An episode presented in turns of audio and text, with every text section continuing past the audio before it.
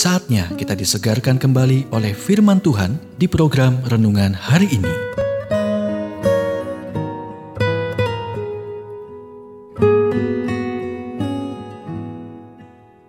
Renungan hari ini berjudul Pemikiran tentang Alkitab bagian ketiga. Nats Alkitab Yakobus 1 ayat 25. Tetapi barang siapa meneliti hukum yang sempurna, yaitu hukum yang tetapi sungguh-sungguh melakukannya, ia akan berbahagia oleh perbuatannya.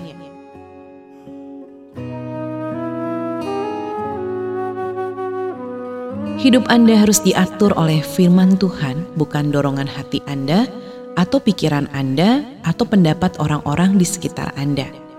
Alkitab bukanlah upaya Tuhan untuk menawarkan kepada Anda wawasan yang menarik atau nasihat yang baik untuk Anda pikirkan.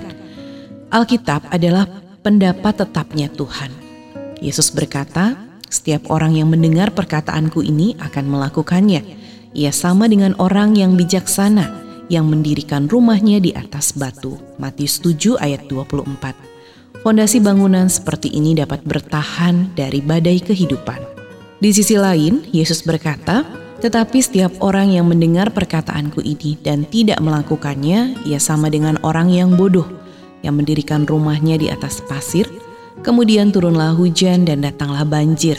Lalu angin melanda rumah itu sehingga rubuhlah rumah itu dan hebatlah kerusakannya." Matius 7 ayat 26 sampai 27. Sekarang Yesus tidak mengutuk orang kedua karena membangun struktur yang tidak memadai atau gagal mendengar, memahami dan mempercayai firman-Nya, tetapi karena gagal melakukannya. Yakobus menulis, "Tetapi hendaklah kamu menjadi pelaku firman dan bukan hanya pendengar saja, sebab jika tidak demikian kamu menipu diri sendiri." Tetapi barang siapa meneliti hukum yang sempurna, yaitu hukum yang memerdekakan orang dan ia bertekun di dalamnya, jadi bukan hanya mendengar untuk melakukannya, tetapi sungguh-sungguh melakukannya, ia akan berbahagia oleh perbuatannya. Yakobus 1 ayat 22 25. Jika Anda berpikir membaca, mengetahui, dan bahkan mempercayai firman Tuhan adalah semua yang perlu Anda lakukan, Anda salah. Karena itu adalah firman Tuhan. Maka perintahnya harus dipatuhi. Yang dibutuhkan bukan hanya percaya, tetapi bertindak sesuai dengan firman Tuhan. Yakobus tidak mengatakan Anda akan diberkati karena apa yang Anda percayai, tetapi karena apa yang Anda lakukan.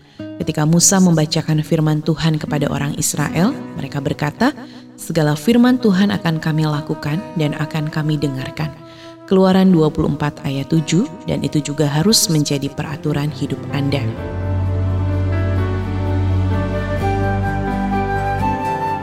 Kita telah mendengarkan renungan hari ini.